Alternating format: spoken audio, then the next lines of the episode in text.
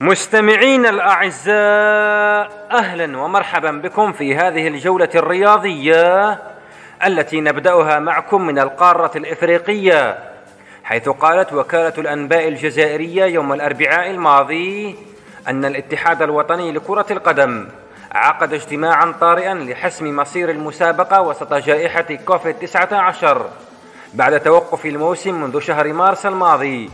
وقرر عدم استكمال موسم 2019-2020 من دور الدرجة الأولى ومنح اللقب للمتصدر شباب الوزداد. إلى منطقة الخليج العربي إذ أعلنت اللجنة الأولمبية القطرية يوم الاثنين الماضي أنها ترغب في استضافة دورة الألعاب الأولمبية والبارالمبية وأكدت أنها قدمت طلبا للجنة الأولمبية الدولية. للانضمام إلى مرحلة الحوار المتواصل بشأن استضافة الأولمبياد في المستقبل. وفي القارة الأوروبية العجوز توج نادي يوفنتوس يوم الأحد الماضي رسميا بلقب الدور الإيطالي لكرة القدم للمرة التاسعة على التوالي والسادسة والثلاثين في تاريخه. عقب فوزه على نادي سامبدوريا بثنائية نظيفة في الجولة السادسة والثلاثين من الدوري.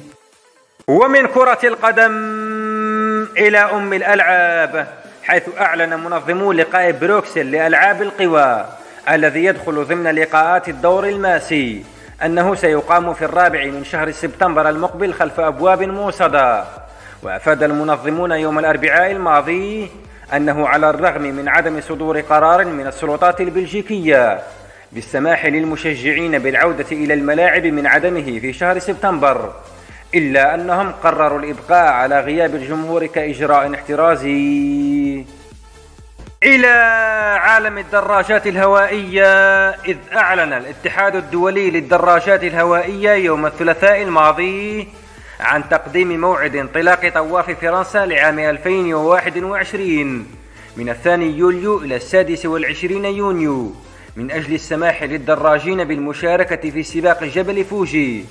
ضمن دورة الألعاب الأولمبية في اليابان. محطتنا التالية مع معشوقة الجماهير الأمريكية كرة السلة. حيث استأنف دوري كرة السلة الأمريكي للمحترفين مساء يوم الخميس الماضي. موسمه في منتجع ديزني وورلد بفلوريدا.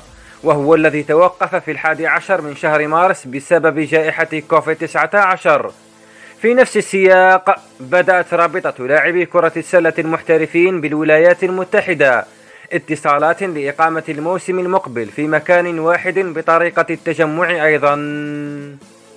مستمعينا نختتم جولتنا الرياضية معكم بهذا الخبر حيث لم يجد اللاعب الإنجليزي جورج بيتس سوى التفكير في بطر قدمه.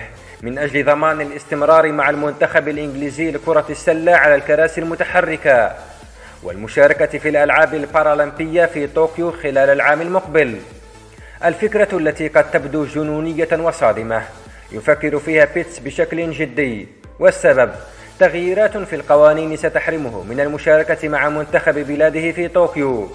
فقد أقرت اللجنة البارالمبية الدولية تعديلات على القوانين مؤخرا وحصرت المشاركة في كرة السلة بالكراسي المتحركة على بعض الفئات من ذوي الاحتياجات الخاصة.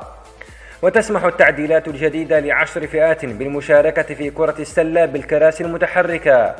ويعاني الشاب بيتس من متلازمة الألم الناحي المركب وهي إعاقة لم ترد ضمن الفئات العشر. وتعرض بيتس لإصابة وهو يلعب كرة القدم حينما كان عمره 11 عاما. وأصبح غير قادر على المشي من دون وسائل مساعدة. وبدأ المشاركة في فريق لكرة السلة على الكراسي المتحركة منذ عام 2013 حتى أصبح بطلا للعالم وأوروبا مع المنتخب الإنجليزي. بيتس البالغ من العمر 26 عاما. قال لشبكة سكاي سبورتس تدربت لسنوات عديدة لذا صدمت حقا عندما علمت بالتعديلات الجديدة. لقد أتيحت لي فرصة أن أبتر قدمي عندما كان عمري 15 عاما واخترت عدم القيام بذلك. وبالنظر إلى الوراء أتمنى لو كنت قد اتخذت قرارا آخر. كان سيجعل الأمور أسهل بكثير اليوم لكنني لم أعتقد أنني سأجد نفسي في هذا الموقف حيث الإعاقة ليست كافية لممارسة الرياضة للمعاقين. وقبل الوصول إلى هذا الحل الصعب يأمل الرياضي الشاب في كسب القضية التي رفعها من أجل السماح له بالاستمرار مع المنتخب الإنجليزي.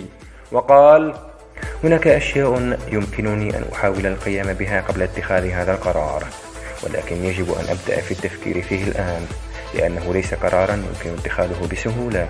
لدي عشر سنوات أخرى من حياة مهنية ويجب أن أعيش بقية حياتي على هذا النحو. لذلك هذا قرار كبير. إلى هنا تنتهي جولتنا الرياضية معكم. نشكركم مستمعين على حسن متابعتكم. وتقبلوا تحياتي عبد الرحمن بن شيخ لراديو صوت العرب من أمريكا.